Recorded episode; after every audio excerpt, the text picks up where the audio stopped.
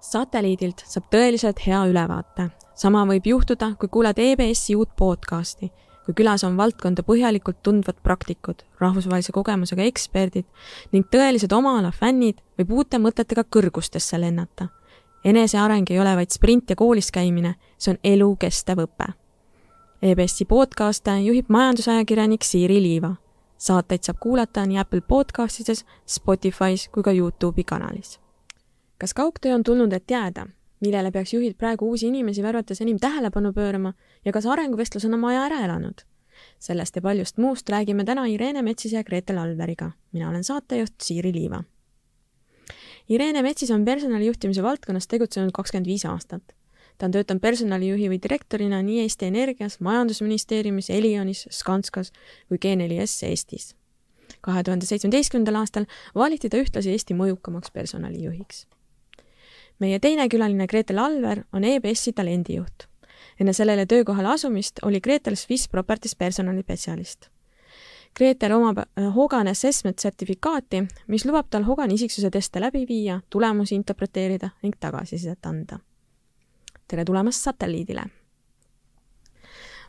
alustame seda vestlust niisuguse väga lihtsa, aga isikliku küsimusega et kuna meil niisugused äh, tööelu teemad on, et ähm, äh, millal teie äh, viimati mingis äh, värbamisprotsessis osalesite või tööalaselt pidite kandideerima äh,? Irene jaa, see on nüüd väga hea küsimus et ma nüüd nagu meenutan, millal ma nagu ametlikult niimoodi kandideerima pidin, siis see jääb ikka väga kaugesse aega. ma arvan, et see võib olla isegi viisteist aastat tagasi.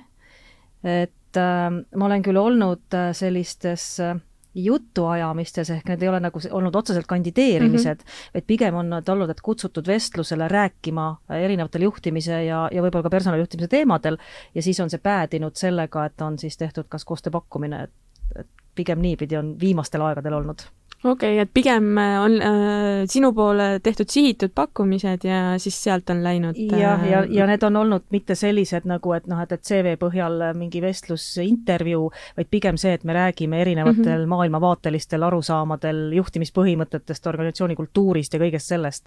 et siis ilmselt on sellised väärtushinnangud klappinud ja, ja sealt on siis need otsused edasi läinud mm -hmm.. okei okay,, väga hea. nii, Gretel äh,? minu viimane selline päris, päris kandideerimine jäi, ma arvan, kuskil viis-kuus aastat tagasi hmm. äh, aega ja pärast seda ka mul on pigem olnud õnne läbi selliste huvitavate vestluste jõuda siis äh, ühiste äh, töö, tööplaanideni. et äh,, et selliselt on, on kujunenud viimastel aegadel mm. -hmm. see on jah huvitav, ma ise ka seda arutelu ette valmistades hakkasin mõtlema, et et kui palju on veel niisugust traditsioonilist töö otsimist ja kui palju on see, see töö otsimine muutunud. aga kui me vaatame seda tööturgu üleüldse, siis mulle tundub, et ka see tööturg ise on praegu mõnes mõttes hästi põnev, aga teisalt jälle hästi väljakutseid täis praegu räägitakse, et äh, on töövõtja turg vaatamata kriisile. Ehm, Ku-, kuidas teile tundub? Irene? ma arvan, et nii ja naa, et äh, see sõltub hästi sektorist ja sõltub nendest organisatsioonidest mm, -hmm. et äh, mina, mina tegelikult ütleksin, et on, on mõlemat mm. -hmm. et jah, töövõtjal on täna päris palju võimalusi, aga samas noh, täpselt teine pool tuleb täpselt sama palju vastu, nii et, et täna on selline nagu huvitav aeg, et et mina oma kogemuses, mida täna juba ligi kolmkümmend aastat on, sellist aega äh, nagu värbamisturul näinud ei olegi. et kui ma mõtlen, et on olnud seda aega küll, kus äh, on kandidaatidest puudu inimesi vähe, sul ei ole leida, sa pead tegema hästi palju turundust selleks, et oma organisatsiooni turundada, siis äh, täna on see ka väga tähtis. aga teistpidi on, äh, on ikkagi ka noh, nagu teine pool ka hästi nagu, nagu esindatud et kuidagi tasakaalu siis see on, jõudnud? tasakaalus jah, ja, ja, noh, pigem on täna nagu värbamisturul äh, need keerukused ja väljakutsed tulevad just värbamise viiside osas, et, et meie see elu täna, kus me elame, tingib äh, täiesti katsetamist, äh, uusi, uute asjade proovimist, tehnoloogia juurdetoomist ja täna selline veebipõhine värbamine tundub nagu juba tavapärane, et see ei ole enam midagi sellist kellegi privileeg, vaid seda teevad juba väga paljud mm. -hmm no kui me vaatame seda tänast tööturgu, et äh, siin on väga palju erinevaid põlvkondi, väga erineva taustaga põlvkondi. kuidas sina seda, seda tööturgu iseloomustaksid? mm,? Pigem niimoodi, et noortel on väga lihtne ja noortel on just seesama, et kui sa, kui tööandjad on rohkem ja rohkem kasutamas veebipõhiseid äh, intervjuusid ja ja pigem selliseid mittekontaktseid äh, nagu võimalusi inimestega tuttavaks saamiseks, siis nooremad põlvkonnal on ääretult lihtne, et nemad on sellega harjunud, nendel ei ole seda stressi, seda pinget peal. Ja kui nüüd vaadata nagu eakamaid ja, ja selliseid keskeast üle inimesi, siis hästi tore on nagu näha, et inimesed kohanevad sellega, et kui algul veel isegi pool aastat, aasta, poolteist tagasi oli see nagu keerukas ja stressirohke, siis täna ka eakamad inimesed kohanevad, aga kindlasti ütleme, mis on kõige raskem, on just niisuguse nagu e, oskustöölise või oskustöötaja värbamisel, et, et noh, siis on keerukas, kui inimestel puuduvad tehnoloogilised vahendid, no mina puutun hästi palju kokku nende sektoritega, kus täna endiselt on ikkagi inimesi, kellel on nupuga telefonid et äh, või äh, veel huvitavam, et polegi telefoni, pole ID-kaarti, et need on need kohad, kus, äh, kus sa pead leidma mm, mingisugused teistsugused viisid ja, ja olema siis nagu hästi loov, et kuidas, kuidas siis ikkagi see inimene endaga liita mm. -hmm. no selle juurde ma tulen pärast äh, või õige pea tagasi, et, et mismoodi tööandjad peavad selles no ma ei saa öelda päris metsik lääs, aga ikkagi niisuguses nagu väga, väga mitmekesises keskkonnas hakkama saama. aga Gretel, ma küsin sinu käest, et äh, sina oled äh, talendijuht. et kui lihtne või keeruline on sinul praeguses keskkonnas oma tööd teha? Äh, kindlasti väljakutseid on äh, väga palju, et äh, esiteks see maailm on nii lai, sama ka ma ütleks, et äh, tööjõuturg on nagu, läheb järjest laiemaks ja suuremaks, et need äärmused lähevad aina äh, kaugemale teineteisest. Ja seeläbi ka ikkagi äh, nii-öelda inimeste mõtted, arvamused, soovid on kõik äh, väga erinevad aga, aga ma arvan, et mis nagu ka talendijuhina ja üleüldse organisatsiooni juhtimisel, mis meid kõiki kokku toob, on ikkagi see, et me jagame ühiseid väärtusi ja ühiseid eesmärke.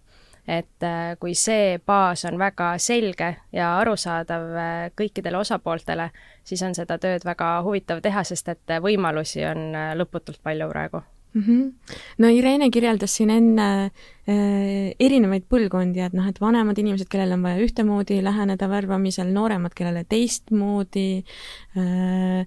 kui palju sina oma töös otseselt näed neid erinevusi? No ikka igapäevaselt näen, et äh, eks see sõltub äh, väga ju ametikohast kindlasti mm, -hmm. et on teatud ametikohad, kuhu äh, pigem kandideerivadki nooremad ja, ja sa juba eos pead nagu teadma, mis neid kõnetab. sama kui, kui mõnele teisele ametikohale ongi eeldused vanemal kandidaadil kindlasti paremad ja tugevamad ja siis sa pead leidma viisi, kuidas temani jõuda. et, et jah, lähenemised on väga erinevad, kõike tuleb kasutada, kõike tuleb katsetada ja, ja ma arvan, et oluline isegi ei ole nagu keskenduda erinevustele, vaid pigem just sellele, et äh, kuidas äh, nendeni jõuda, mida neile pakkuda, mis neid äh, kõnetab mm. -hmm. No Irene, sa enne ise tõid välja ka, et sa oled kolmkümmend aastat juba personalijuhtimise valdkonnas töötanud.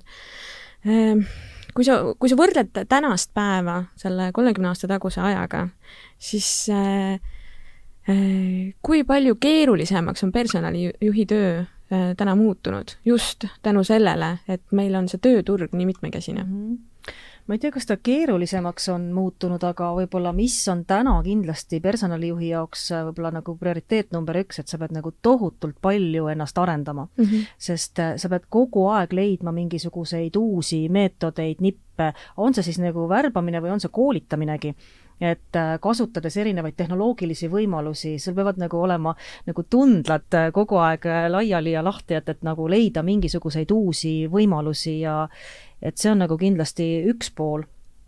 Ja teine pool just see, et see, et, et kombineerida kuidagi organisatsioonis et kuidas need inimesed, kes on tõesti noorem generatsioon ja hästi tehnoloogilisele orient-, noh, nagu keskkondadele orienteeritud ja neile meeldib see mm, -hmm. kuidas siis see teine põlvkond, kes on nagu eakamad inimesed, kes seda tehnoloogist väga nagu ei armasta, et kuidas neid siis ikkagi nagu sisse elatada ja, ja kuidas see kogu, kogu tervik ühtseks viia et ma arvan, et äh, personalijuhil täna on just see, et, äh, et õpi, arenda, loe, et noh, see on kindlasti, mida, mida võib-olla nii palju eelnevatel aastatel, noh, see oli ka oluline, aga ta oli kuidagi nagu homogeensem, täna on see nagu, see vajadus on nii suur ja, ja sa peadki lugema, kuulama, vaatama, otsima infot, leidma uusi võimalusi, et, et see loovus peab olema sul lahti.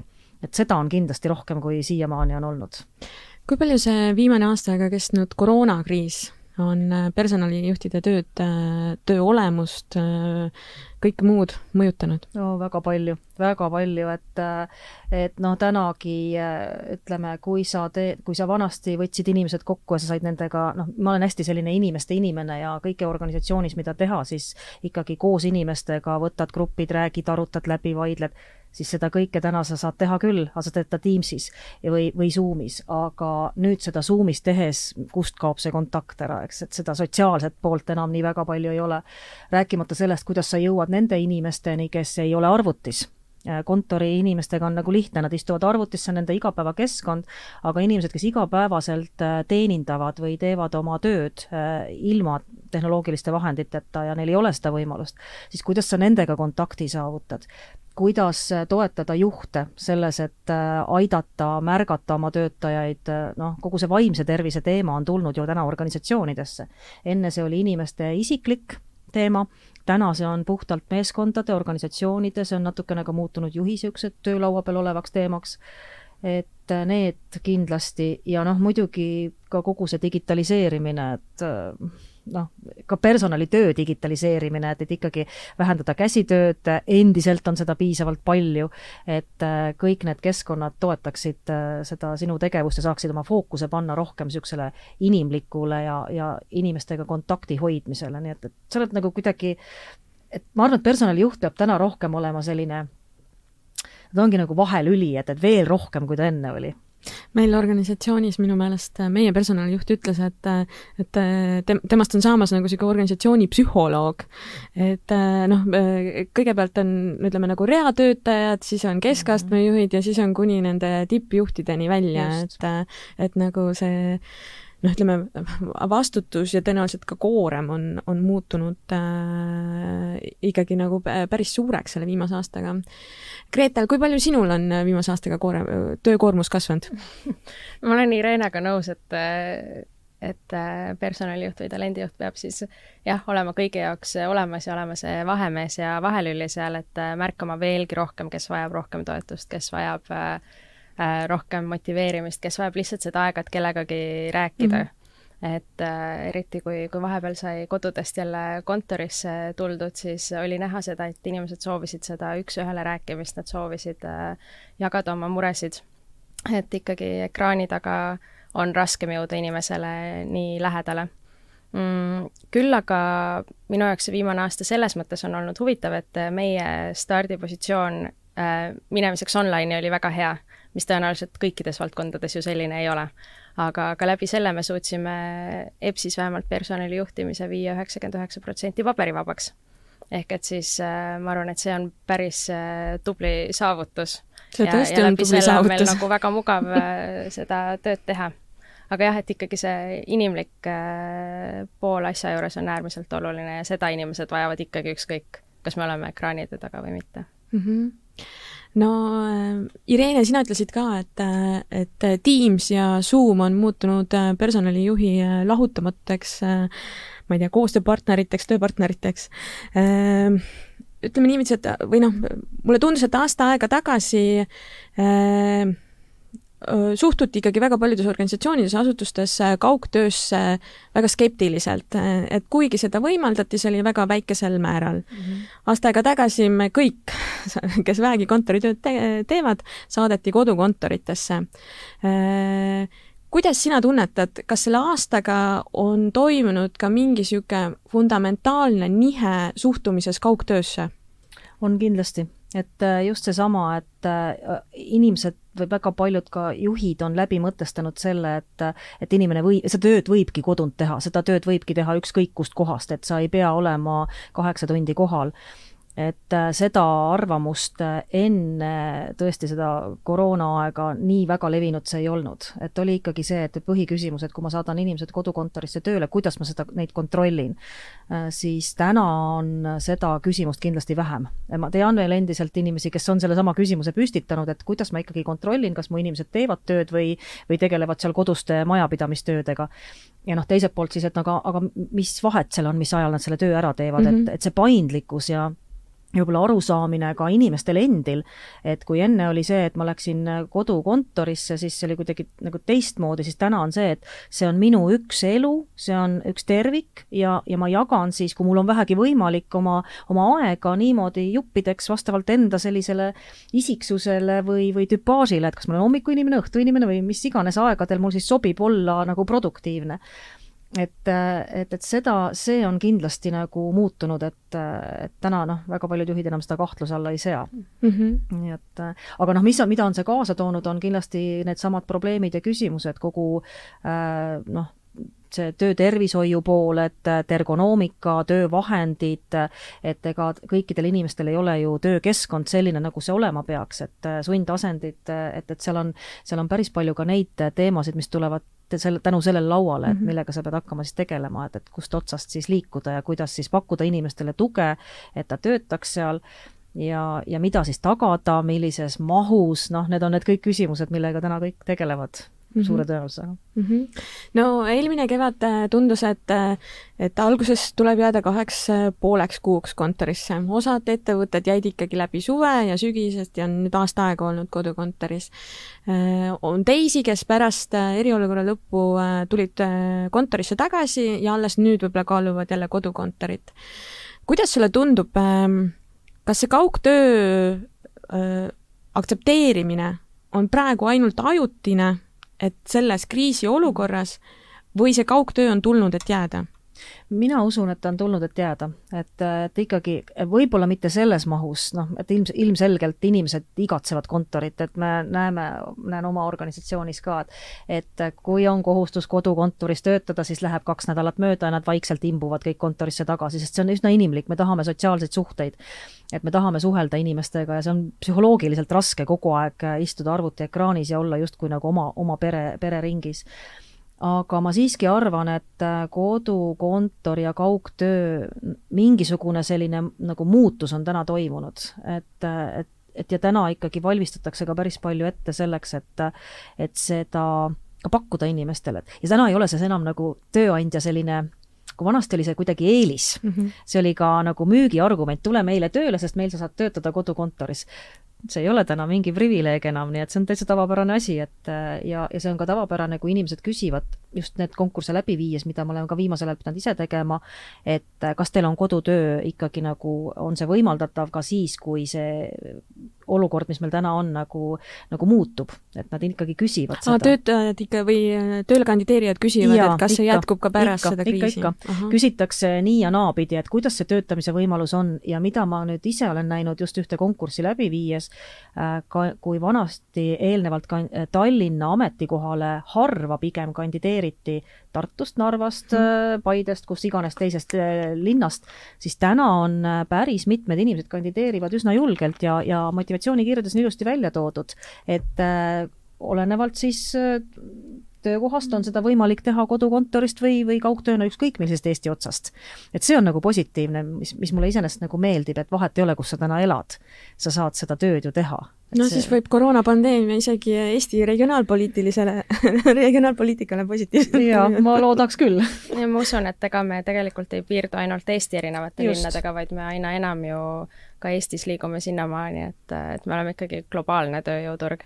et ka meil EBS-is äh, mõni töötaja elab Austraalias, mõni kusagil mujal, et, et meie küll olime juba enne koroonakriisi kaugtööd väga soodustavad, aga siiski see annab ka tööandjale võimaluse jõuda rohkemate talentideni ja, ja fakt on see, et see on tulnud, et jääda ja aina -hmm. globaalsemaks see muutub, et me lihtsalt peame leidma võimalused, kuidas seda enda kasuks äh, tööle panna jah, no tõenäoliselt eelmine kevad hakkasid väga paljud, äh, kes läksidki oma suve- või maakodudesse mõtlema, et äh, et nad võiksid seal võib-olla isegi aasta läbi elada, kui tööandja seda võimaldab, et et lihtsalt oli sellist väikest tõuget vaja. aga Gretel, ühe asja ma küsin veel sinu käest, et noh, eks see viimane aasta on meie kõigi jaoks olnud väga ebatavaline, me oleme tõenäoliselt kõik väga palju esimest korda uutes olukordades olnud, et äh, mis kodukontori puhul sinul oli kõige väljakutset rohkem isiklikult? Äh, ma arvan, minu jaoks oli rollijaotus oli kõige keerulisem, et kui sa oled kodus äh, kokk, oled ema, oled äh, talendijuht, oled äh, mängukaaslane oled partner, et siis need äh, rollid läksid väga segamini mm. -hmm. et mulle väga meeldib teha kodukontoripäevi, mulle väga meeldib kontoris kohal käia. et ma olen enda jaoks, ma arvan, päris hästi selgeks teinud, et mis teemasid mul on mugavam kodus olles lahendada ja teha ja mida mul on mugavam siis kontoris teha ja selliselt ma ennast ka reguleerin ja oma tööd planeerin et ma arvan, et äh, praegu on äh, rohkem kui võib-olla, et varem oluline pakkuda ka töötajatele neid erinevaid võimalusi töötamiseks, et selleks, et nad oleksid võimalikult produktiivsed, siis iga inimene töötabki erinevalt. et äh, mõni ongi hommikuinimene, nagu näiteks ma tõusen hea meelega kell seitse ja teen tööd, aga mõni teine on õhtuinimene, siis see on okei okay,, et tema hakkab tööle õhtul kell seitse ja töötab läbi öö näiteks. Et, et ma arvan, et see kriis ka praegu on hästi aidanud äh, kõikidele näidata seda, et, et inimesed töötavad erinevad ja organisatsiooni asi on nagu need võimalused äh, välja selgitada ja, ja pakkuda töötajatele mm. -hmm.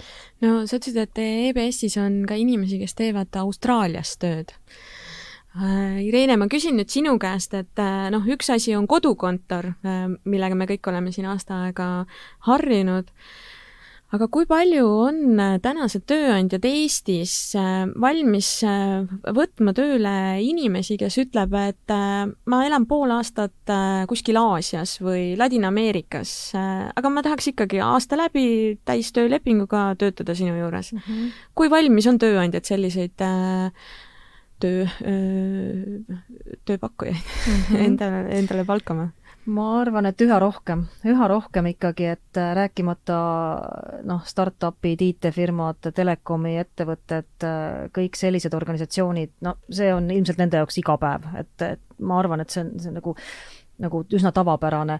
Ja üha rohkem ma näen ka, ka sellis-, selliseid nagu ütleme, traditsioonilisi ärisid, kus on see täiesti lubatud, et ongi, et, et me, me ei taha, kui meil on nagu hea inimene, äh, kes on väärtuslik ja, ja annab lisandväärtust, siis siis tööandjana pole ju tegelikult vahet, kus äh, kontinendil sa, sa töötad või, või kuskohast sa oma tööd teed, et äh, et kui see töö täna, noh, me näeme kõik, et see töö saab iseenesest tehtud ja mitte midagi hullu ei juhtu ja inimesed on ikkagi üsna sellised äh, ennastjuhtivad, nii et äh, nendel töödel, kus see on võimalik, ma arvan, et äh, kõik organisatsioonid võiks selle ära kasutada pigem, et vahet pole, kus see inimene sul on ja elab ja mis ta hetkel teeb.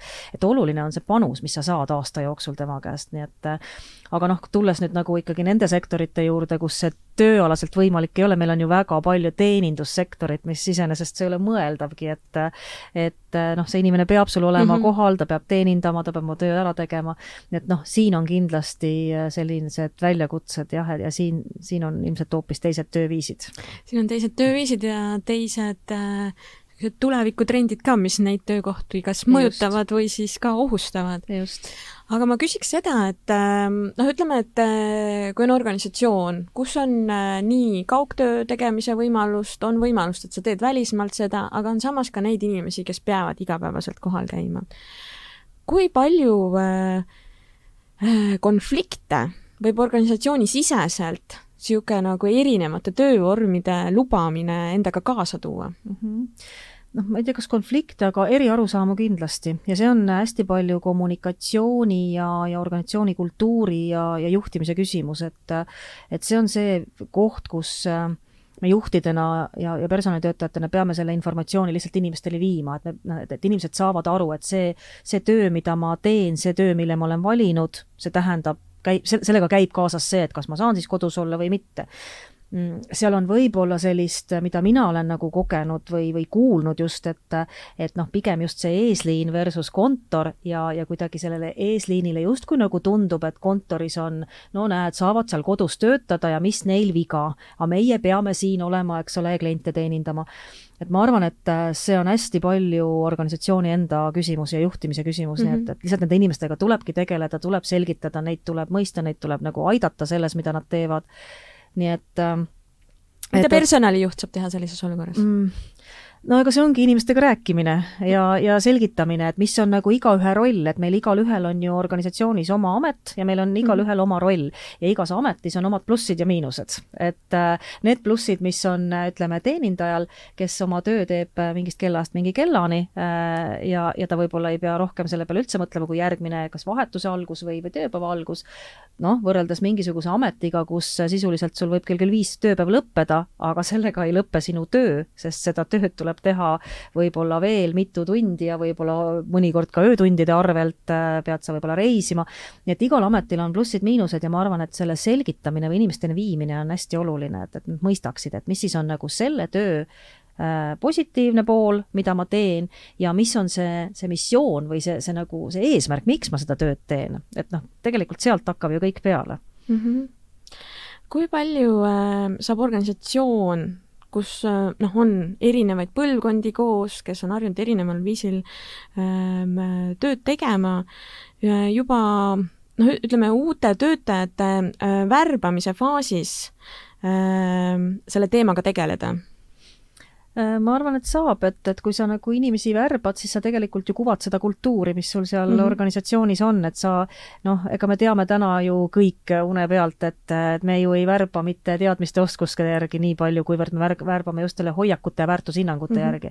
et kui need väärtushinnangud nagu sobivad, kui see tööviis, mis organisatsioonis on, see kultuur, mis siin on, need väärtused, mis siin on, et need sobivad, siis me tegelikult seda inimest sinna tahame ja see inimene sobitub sinna palju paremini et sealt kõik see asi nagu pihta hakkab, nii et, et ikkagi leida see, need õiged inimesed on nagu kõige olulisem, et, et, et kui meil asjad käivad niimoodi, meil on niimoodi kombeks, et see nüüd on enda jaoks vaja nagu selgeks teha, et kuidas meil on kombeks, sest vahel võib olla ka see, et organisatsioonis ei pruugi seda selgust olla, et kuidas meil siis kombeks on, et mm, -hmm. et me täpselt ei saagi aru, kuidas ma pean toimetama või käituma või mis, mis mult oodatakse mm. -hmm nii et need asjad peavad olema nagu äh, üsna selged ja arusaadavad ja siis on lihtsam ka värvata ja selle järgi vaadata. ja mm -hmm. muidugi noh, sisseelamise protsessid, täpselt mm -hmm. samamoodi, et võimalikult palju aidata inimest siis sisse elada organisatsiooni erinevate siis meetoditega, mida tänapäeval kasutatakse. sisseelamisprotsesside juurde me kohe tuleme. Äh, Gretel, ma saan aru, et sina oled ekspert äh, Hogani testialal mm. -hmm Äh, kui palju noh, sellises äh, kontekstis äh, oleks selle testi kasutamisest kasu? Kindlasti on väga palju sellest testist kasu, aga Hoganist on kasu tegelikult kõikidel väga palju et mitte ainult värbamisprotsessis, kindlasti värbamisprotsessis annab Hogan testi tegemine siis kandidaadi kohta või selle uue töötaja kohta hea ülevaate juhile. juht tõenäoliselt suudab siis paremini uue töötajaga suhestuda, leida temaga ühist keelt ja juba eos äh, ennetada potentsiaalseid äh, riskikohti. aga, aga ma arvan, et see Hogan test laiemalt on kõigile väga kasulik, sest et äh, pilk iseendasse on ju see, mis meid kõige rohkem tegelikult edasi viib, et selleks, et, et sa saaksid teistele toeks olla ja teisi arendada, selleks sa pead ju iseennast tegelikult hästi tundma ja, ja endast aru saama aga kui kursis sa oled, kui palju Eesti äh, ettevõtted, asutused, organisatsioonid äh, kasutavad seda testi? kas siis värbamisel või üleüldse äh, personali juhtimisel? Ma selle numbriga kindlasti kursis ei ole kahjuks, aga paljud ettevõtted kasutavad erinevaid teste, et, et isiksuse teste on ju äärmiselt palju ja ma arvan, et kõik nad annavad mingit sissevaadet, nii-öelda sissepõiget siis äh, mis aitab paremini kas luua meeskonda või, või leida paremini sünergiat. et äh, neid kasutatakse ja ma väga loodan, et neid kasutatakse aina enam. et äh, meie EBS-is ka testime kõiki oma uusi töötajaid just selleks, et, et oskaks neid ka paremini toetada ja et oskaks nende potentsiaali paremini ära kasutada. et üks asi on see, mis sa saad teada intervjuul mida see uus töötaja siis sulle räägib, aga teine asi on see, mis info sa saad läbi selle Hogan testi töötajast ja läbi selle on võimalik äh, veel sügavamate diskussioonideni jõuda ja läbi selle on ka võimalik jõuda selle päris sügava potentsiaalini, mis sellel inimesel äh, pakkuda on äh, no Irene, sina oled väga kogenud personalijuht. kui palju selle aja jooksul oled sina isiksuse teste enda abimeestena kasutanud?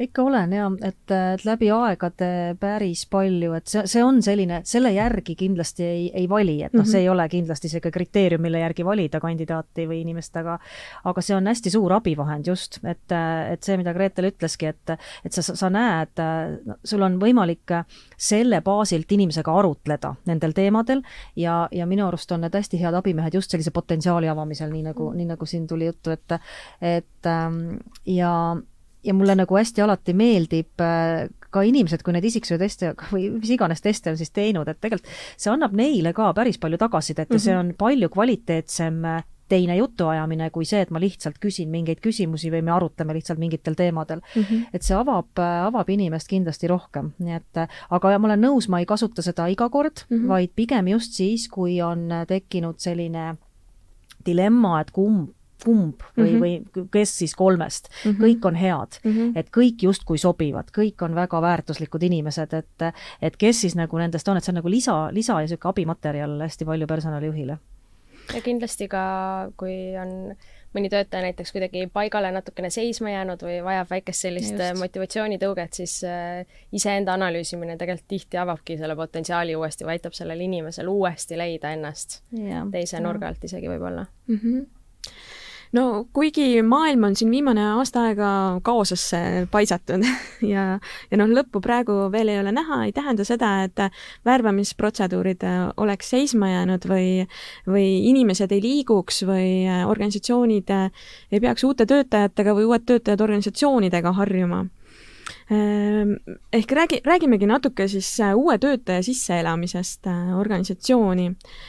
Praegu on niisugune erakordne aeg mida tasub juhil just praeguses ajahetkes eh, teadvustada uue töötaja organisatsiooni toomisel, tema eh, juhendamisel, talle nagu nii-öelda eh, tee rajamisel seal uuel töökohal mm? -hmm. ma arvan, et täna, tänases olukorras kõige rohkem see, et ära jätta inimest üksi et ära viska teda lihtsalt nagu ettevõttesse ja, ja ütle, et, et näed, siin on kontaktid, siin on, ma ei tea, Teamsi koosoleku lingid ja tegele ja vaata, et minu arust nagu ääretult tähtis roll on see, et, et juht on on täna võib-olla rohkem selline toetaja, et, et sa pead noh, seesama, et, et küsi, uuri, räägi. Ja kuni sinnamaani välja, noh näiteks ma toon ühe näite. Et selleks, et elatada sisse mingi väiksem hulk inimesi, et noh, me palusime näiteks äh, nendel inimestel, kes olid kontorisse tööle tulnud, et kuulge, kas te saaksite mingi ajal olla kodukontoris selleks, et meil tulevad uued inimesed, me näitame neile kontoriruume, me teeme füüsiliselt selle läbi. olgugi, et maskides, olgugi, et teineteisest kaks meetrit vahet hoides, aga et nad näevad, et kus on füüsiliselt see koht, et inimene, et ta ei tuleks tööle noh, nagu niimoodi, et, et ta tuleb, läheb tööle kodukontorisse. kui, ja neid, neid olukordi on siin kevadest küll ja küll olnud ja tagasisidena nende inimeste käest ma olen ise ka kuulnud, et see on ääretult raske, sa oled üksi sa oledki täitsa üksi ja isegi, kui see juht äh, lepib kokku, et iga nädal on üks-ühele selline jutuajamine mm, -hmm. me räägime pool tundi, kuidas sul läinud on, sa oled ikkagi üksi. See on hästi huvitav, et nad ikkagi ütlevad, et ma ei tunne seda, seda, seda seost, et sest noh, jällegi me, me tahame seda suhtlust. ja siis me oleme kasutanud ka neid, et tõesti, et noh, kasuta seda vana head telefoni, sa ei pea arvuti taga alati olema, sest arvuti on ikkagi barjäär meie vahel mm, -hmm. võta vahel see telefon, et äh, ja võib-olla ikkagi leida see üks-ühele kohtumise aeg äh, ka näost näkku mõnikord, et, et see on ju tegelikult võimalik. et võib-olla need on, see on see kõige, see kõige suurem märksõna ongi see, et ära jäta inimest üksi, aita ja noh, ka kolleegid, et kaasata kogu siis kas osakond või, või teised kolleegid sinna appi, et et jagadagi kas või vastutused ära, et kes, mis päeval, kuidas, noh, et see on jällegi niisugune läbimõtlemise koht, kuidas seda kõike paremini teha mm. -hmm ma toon ühe näite ka, mille, millel ma küsin sinu arvamust, äh, kasutan kohe ära. Äh, meil on ka töö juures hästi niisugune huvitav olukord tekkinud selle aastaga, et meil siin aasta lõpus läksid paar kolleegi ära, meil oli niisugune kuueliikmeline meeskond. Ja nüüd uue aasta alguses on meil noh, meeskond peaaegu kümneliikmeliseks kasvanud, meil on juba seal kahe kuuga on neli uut kolleegi ja kaks tuleb veel juurde. lisaks kõigele on meil veel äh, uus juht ka, kes on nagu esimest korda juhtival kohal et mis soovitused sa annaksid sellele juhile eh, esiteks nende uute inimeste sisseelamiseks, aga teiseks ka talle endale, et ta ei põleks läbi selle mm, -hmm. selle esimese paari-kolme kuuga juba mm? -hmm jah, et võib-olla kui kõigepealt hakata nende meeskonna poole soovitustena, noh, siin seesama asi, eks ole, et võimalikult palju neid, neid siis omavahel nagu kokku viia ja rääkida, et, et kes, mis kellegi roll on ja mis inimesed on. Ja võib-olla sellist mitteformaalset kui see tõesti on nagu veebi teel noh, ainult võimalik, siis võib-olla ka mitteformaalsetel teemadel, et mitte me ei ole ainult ametlikult mingi koosoleku raames koos, vaid ikkagi, et me üritame teineteisega ka inimestena tuttavaks saada, et, et võib-olla seda poolt niimoodi. aga see, et juht läbi ei põleks, jah, need on nüüd need enesejuhtimise võtted, eks me peame igaüks vaatama endale otsa, et mis, kust maalt ma piiri tõmban ja, ja et, et, et ma ikkagi mm, et ma, et ma ei võtaks endale asju liiga palju ja et ma ei elaks neid asju liiga üle, et ja julgeda võib-olla abi ka küsida see on nüüd üks juhtide selline, mida ma olen märganud, et ega kui me oleme juhid, ega siis me oleme ju nagu tugevad ja targad ja me teame ja, ja me suudame ja jaksame aga et selline abi küsimine, et selleks on ju sul kolleegid, selleks on meeskond ja kõike ei pea ise tegema. nii et, et, et võib-olla siit see, et mõelda läbi, et mida ma teen ja mis ajal ja, ja võib-olla rohkem planeerida. ja, ja mulle hästi nagu äh, üks, üks, üks, üks raamat uh, Unchained on selline raamat uh,, kus seal oli väga ilusti lahti kirjutatud, et kui sa pidevalt oled nagu orav rattas mm -hmm. ja sa pidevalt tegutsed, toimetad uh,, hommikul ärkad ja kuni õhtuni välja ja eriti nüüd kodukontoris, kus see tööaeg sul venib, sa ei saa üldse aru, mis hetkel on nagu vaba aeg ja tööaeg ja sa ei oska seda piiri enam panna siis äh, võta ikkagi teadlikult üks mõttepaus ja lihtsalt võta aeg maha. noh, täitsa füüsiliselt sunni ennast aeg maha võtma. ja see mõttepaus ei pea olema sul mingi kaks nädalat või midagi sellist, vaid see võib olla lihtsalt nagu iga päev üks tund. ja, ja peale seda hakkasin mina nagu tegema seda, et panin kalendrisse ka endale sellised nagu kahetunnised või, või mõnikord ka rohkem, mõnikord vähem, aeg iseendale. et, et see võib-olla on selline koht ja ma nagu mõtlen asjad rohkem läbi nii et võib-olla sellist pidevast rabelemisest tulla nagu natukene pausi poole Mm -hmm. ja siin hoogandest ka kindlasti aitab kaasa et see Just. uus juht, kui ta õpib ennast võib-olla paremini tundma, siis läbi selle ma usun, et ta suudab ka teadlikumalt võtta seda uut olukorda ja ka teadlikkust oma töötajatesse edasi kanda. et äh, kui ikkagi see organisatsioon võtab seda kui võimalust, siis see juba aitab, ma arvan, kõvasti edasi ja te olete ikkagi väga ühel leheküljel läbi selle juba mm. -hmm no Gretel, sina enne rääkisid seda, et sul oli ikkagi eelmine kevad äh, päris suur väljakutse harjuda selle kodukontoriga, kus sul oled äh, sisuliselt, ma ei tea, neljas-viies erinevas rollis. kui hästi sa sellega tänaseks hakkama oled saanud ja kas sul on seal aega ka iseendale? ma arvan, et väga hästi olen hakkama saanud et äh, sa oled leidnud tasakaalu? jaa, ma suhteliselt kiiresti, ma arvan, et äh, leidsin tasakaalu. aga ma usun, et siin mängib ka hästi rolli see, et kuivõrd äh, hästi sa ennast suudad reguleerida. et äh, siis saigi väga oluliseks see, et teatud kell sa paned lihtsalt arvuti kinni. et äh,, et muud moodi lihtsalt ei saa ja, ja seda ma katsun siiamaani ikkagi rakendada, et äh, kui ma olen kodus, siis ma olen kodus ja kui on tõesti midagi väga kriitilist vaja teha, siis ma teen selle ära, aga ikkagi siis see on kas pigem seal öötundide äärelt või, või mitte ajast perega nii-öelda. et, et ma arvan, see on hästi oluline kellaajaliselt just panna ja kas või kalendrisse panna endale, et aeg iseendale, et, et see on väga oluline, eriti praegusel ajal. aga kas sul tööpäeva sees on ka niisuguseid nagu mõttepause, nagu ju Irene soovitas võtta? Äh, jaa, on küll. Äh, mul on välja kujunenud sellised äh, ajad, mil ma olen võib-olla produktiivsem, tegelemaks äh, teatud ülesannetega, mul tavaliselt pärastlõuna on see aeg, kui ma pigem võtan aega, et äh, mõelda, et teha plaane, et äh, midagi lugeda. Ja siis sellisel hilisel pärastlõunal ma suudan jälle nii-öelda detailitööga tegeleda, et jah, ma arvan, et see on igal inimesel erinev, aga hästi oluline on teadvustada endale seda, et mis sinu jaoks kõige paremini töötab ja see enda kasuks tööle siis panna mm. -hmm. no tundub, et sa oled väga hästi selle tasakaalu paika saanud timmida. aga kui tulla nüüd äh, tagasi äh, uute inimeste organisatsiooni sisseelamise peale ja, ja noh, ka sellele erakordsele olukorrale, kus me täna oleme. Ähm, Irene, kui palju peaks sellises olukorras laskma uuel töötajal olla isikupärane ja kui palju peaks teda ikka mingitesse etteantud raamidesse noh, ma ei taha öelda suruda, sest suruda kõlab nii halvasti, aga ikkagi, et andma talle mingid kindlad raamid ette mm. -hmm no ega inimesed jäävad ikkagi isikupärasteks, et noh, see on nende, nende enda loomus ja, ja võib-olla siin äh, miks on alati see hea, et, et kui sa värbadki inimest väärtuste ja hoiakute ja suhtumiste järgi, siis sa tegelikult juba noh, ta sobitub sellesse nagu päris hästi. ehk et kui, kui selline ettevõtte kultuur, ootus, väärtushinnangud väga palju erinevad inimese enda isiklikust äh, väärtushinnangutest ja isiklikust sellisest hoiakust, arusaamast, siis see konflikt on üsna pea tulema, et, et siis see inimene ei püsi seal kaua, tal on ebamugav ja, ja siis lähevad teed laiali et, et sellepärast me otsime ka, ka ju kõik organisatsiooni neid inimesi, kes sobituvad sellega.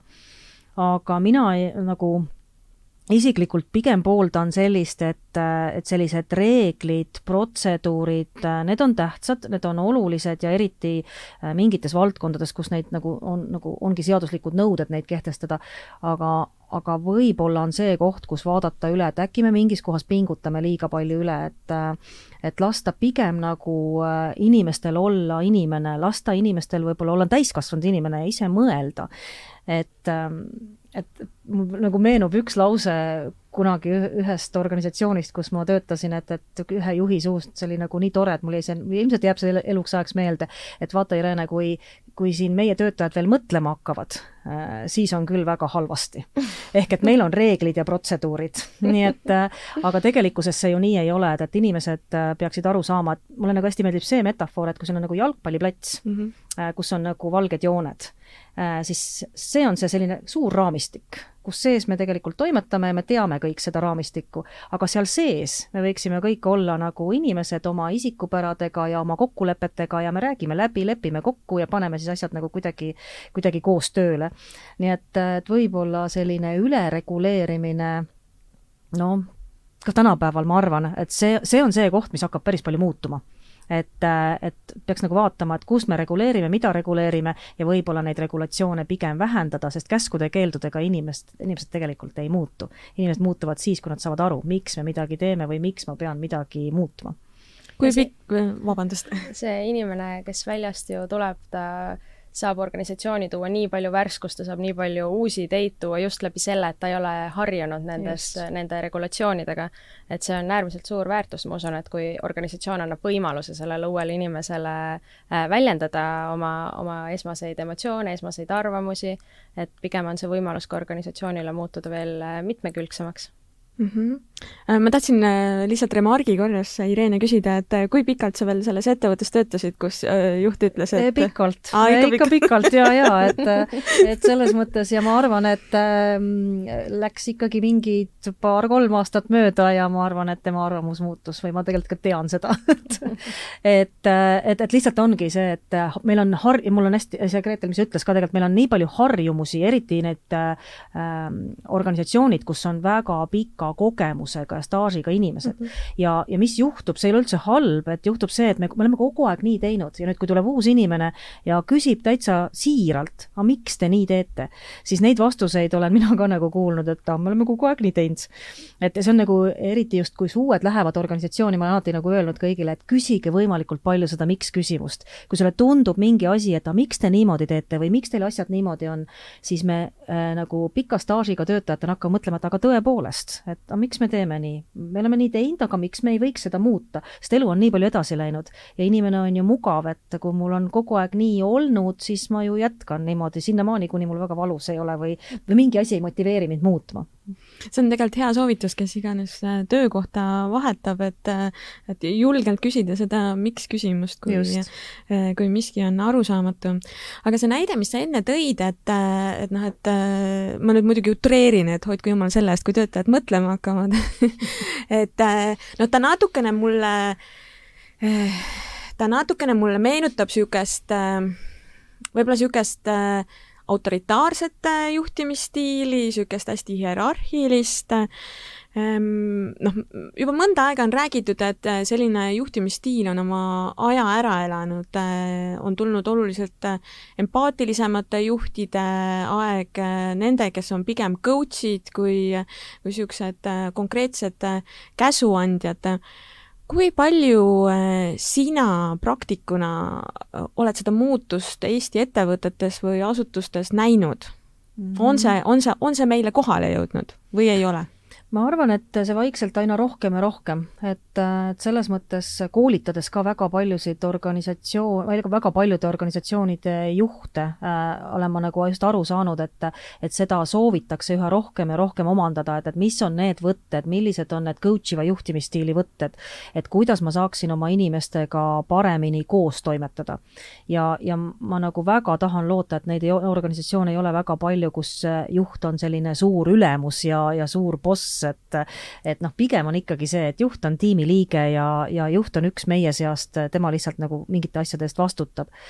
et ähm, jah, praktikas äh, ütleme nii, et võib-olla sõnades on see rohkem äh, ja nagu meie teoreetilisel tasandil me teame, kuidas peab äh,, kuidas oleks hea, kuidas oleks õige ja ilus, aga kui praktikas hakkad nagu asju vaatama, siis see igal pool ikkagi nii lihtsalt ei lähe, et, et ja, ja eks see ongi, et see võtabki aega. et aga, aga ütleme, et niisugune nagu teoreetiline teadmine ja pagas on nagu üsna hea, et, et jah, kuigi selline autoritaarne juhtimisviis, noh, ma ei räägi kriisidest, kus ja, ja organisatsioonidest, kus tuleb kiirelt reageerida ja ongi käsud üsna mm -hmm. nagu olulises, olulisel kohal, aga valdavalt jah, ikkagi selline niisugune mm, demokraatlik ja, ja coach iv juhtimisstiil hakkab, hakkab vaikselt-vaikselt ettevõtetesse nagu kohale jõudma mm. -hmm. Gretel, ma küsin sinu käest, kas sul on äh, nüüd ma küsin selle halva sõna, aga mm -hmm. kas sul on alluvaid ka või sa oled äh, üksinda oma meeskonnas? ei, meil ei ole alluvaid, meil on meeskonnad ja meil on projektid, et äh, kui äh, ühes projektis võib näiteks äh, äh, rektor olla nii-öelda juht, siis järgmises projektis võib-olla rektor on hoopis äh, üks äh, paljudest liikmetest et äh, meie kindlasti vägagi praktiseerime seda meeskonnatööd ja meeskonnatunnetust, et, et me oleme kõik äh, nii-öelda partnerid, me oleme kõik äh, tiimikaaslased, me kõik seisame samade väärtuste eest ja liigume samade eesmärkide poole. et ma loodan ka ja usun, et aina enam ka teised organisatsioonid seda praktiseerima hakkavad, eriti kuna nooremate generatsioonide puhul eriti enam see ülemus ja alluv suhe ei tööta me jõudsimegi nende toredate sõnadeni mm, -hmm. ülemus ja, alluv. mina siiamaani äh, kasutan sõna ülemus, kuigi öö, äh, oma nagu noh, see töösuhte iseloom ei ole niisugune ülevalt alla, vaid ta on pigem niisugune kollegiaalne äh, noh, lahendusi otsitakse vestluse teel ja, ja ei ole niisugust käsuliini. aga kuna ma nende sõnadeni jõudsin, et äh, Irene, kas selline sõna nagu alluv peaks üldse olema juhi töölaual mm -hmm. või sõna ülemus mm -hmm. peaks olema töötaja töölaual? jaa, ma tean, neid diskussioone on äh, erinevates kohtades ka koolitajate tasandil ja, ja ka personalijuhtide ringkonnas peetud, et ja on inimesed, kes ütlevad, et ega sõnal ei ole ju vahet, et mis neil sõnadel siis häda on, eestikeelsed sõnad. aga mina isiklikult usun hästi sellesse mõtteviisi, et verbaalsel sõnal nagu, verbaalsel on väga suur jõud. ja, ja ma arvan, et äh, mina vähemalt isiklikult olen proovinud oma äh, sõna, kõnepruugist äh, need sõnad ülemus ja alluv nagu välja juurida, et ma teadlikult nagu tõesti noh, nagu proovin mitte kasutada neid väljendeid, loomulikult me oleme seda teinud nagu läbi elu kogu aeg. aegade algusest peale jah, et aegade algusest peale, eks, et, et siis, siis võibki nagu keeruline olla, aga, aga põhimõtteliselt ikkagi võiks nagu olla see, et me oleme tiimiliikmed, meeskonnaliikmed, koostööpartnerid, noh, kes iganes, et et pigem ma, ma nagu jah, et ei tahaks seda, sest noh, mis, mis ma nagu oma kogemusest, miks ma seda niimoodi arvan, just läbi äh, sellise praktika, kus äh, äh, ütleme, selline verbaalselt äh, asjade nimetamine, näiteks mingite töötajate gruppide nimetamine mingite nimetustega, see mõjub nendele inimestele psühholoogiliselt väga nagu noh, see, see on tegelikult tuntav. ja, ja kui sulle kogu aeg nagu rõhutatakse, et sa oled nagu alluv, alluv, alluv, eks ole, siis sa saad aru, et aga mis meeskonnatööst me siin räägime või mis meeskonnast või mis ühistest, kui, kui sina ütled, mida me teeme, siis noh, eks sa tee siis. et tegelikult see tekitab sellist nagu äh, inimestes alateadlikku nagu käitumist või niisugust nagu hoiakut. nii et sellepärast mina isiklikult nendest äh, sõna, neid, neid sõnu tegelikult väga kasutada ei tahaks mm. -hmm. Sellesama teema jätkuks, äh, kuidas sulle tundub äh,, kas Eesti töövõtja on muutunud ajas nõudlikumaks juhtimiskvaliteedi suhtes? kindlasti kindlasti on. Ja no tõesti, noh, noorem põlvkond, nii nagu Gretel ütles, et, et noh, siin on ootused absoluutselt teistsugused, et noorem põlvkond kindlasti. Ja mulle hästi meeldib ka see, et, et ega ütleme, et ikkagi töövõtja nagu täna on, ta teab oma õigusi palju rohkem. Ja, ja me ju näeme, mis toimub, meil on edumeelsed organisatsioonid, kes võidavad häid tiitleid, kes paistavad silma, kes räägivad oma parimatest praktikatest sotsiaalmeedias. Ja, ja kui ma seda kõike näen äh, ja ka ma kogen, siis kui ma lähen sellesse organisatsiooni, kus seda ei ole, äh, või, või ma kuulen, et, et kuskil organisatsioonis on mingi ametikoht, kuhu ma võiks kandideerida, aga ma tean, et seal ei ole asjad nii siis, siis noh, see tegelikult ju lõpuks äh, noh, sa saad aru, et, et need inimesed ei lähe sinna lõpuks tööle. nii et äh, et mina arvan jah, et see teadlikkus on hästi palju kasvanud ja neid positiivseid kogemusi tuleb ja tuleb juurde, sest tõesti organisatsioonid väga palju sellesse panustavad praegu mm. -hmm. mis sa arvad, kui palju peaks töötaja kasutama võimalust seada organisatsiooni juhtimiskultuuri kahtluse alla või nagu ähm, küsida selgitusi selle kohta igal juhul peaks, igal juhul, sest see on hästi oluline, see on talle endale oluline, nii et inimesed et... kardavad oma töökoha pärast, arvavad, äkki keegi solvub selle peale. jah, seda, seda suhtumist on ka veel kahjuks, et ja, ja noh, seal on nagu see, et äh, inimestel on omad hirmud ja need hirmud baseeruvad mingitel negatiivsetel kogemustel ja, ja mu enda noh, mõnel, mõned näited, mis mul on endal, kui see, kui inimene ütleb, et ma, et ma ei hakka midagi rääkima või ma ei too midagi välja ja kui sa küsid, miks, on ju, no vaata siis, vot tead, üks inimene rääkis ja teda enam meil ei tööta, ma küsin, et millal see oli, kakskümmend aastat tagasi. meie mälu on hästi pikk ja inimesed mäletavad neid negatiivseid asju väga pikalt, aga samas, kui kui me oleme ka noh, mis on nagu ütleme, võib-olla ka personalijuhtide ja juhtide roll leida need viisid, kuidas inimesed saaksid siis avaldada neid arvamusi.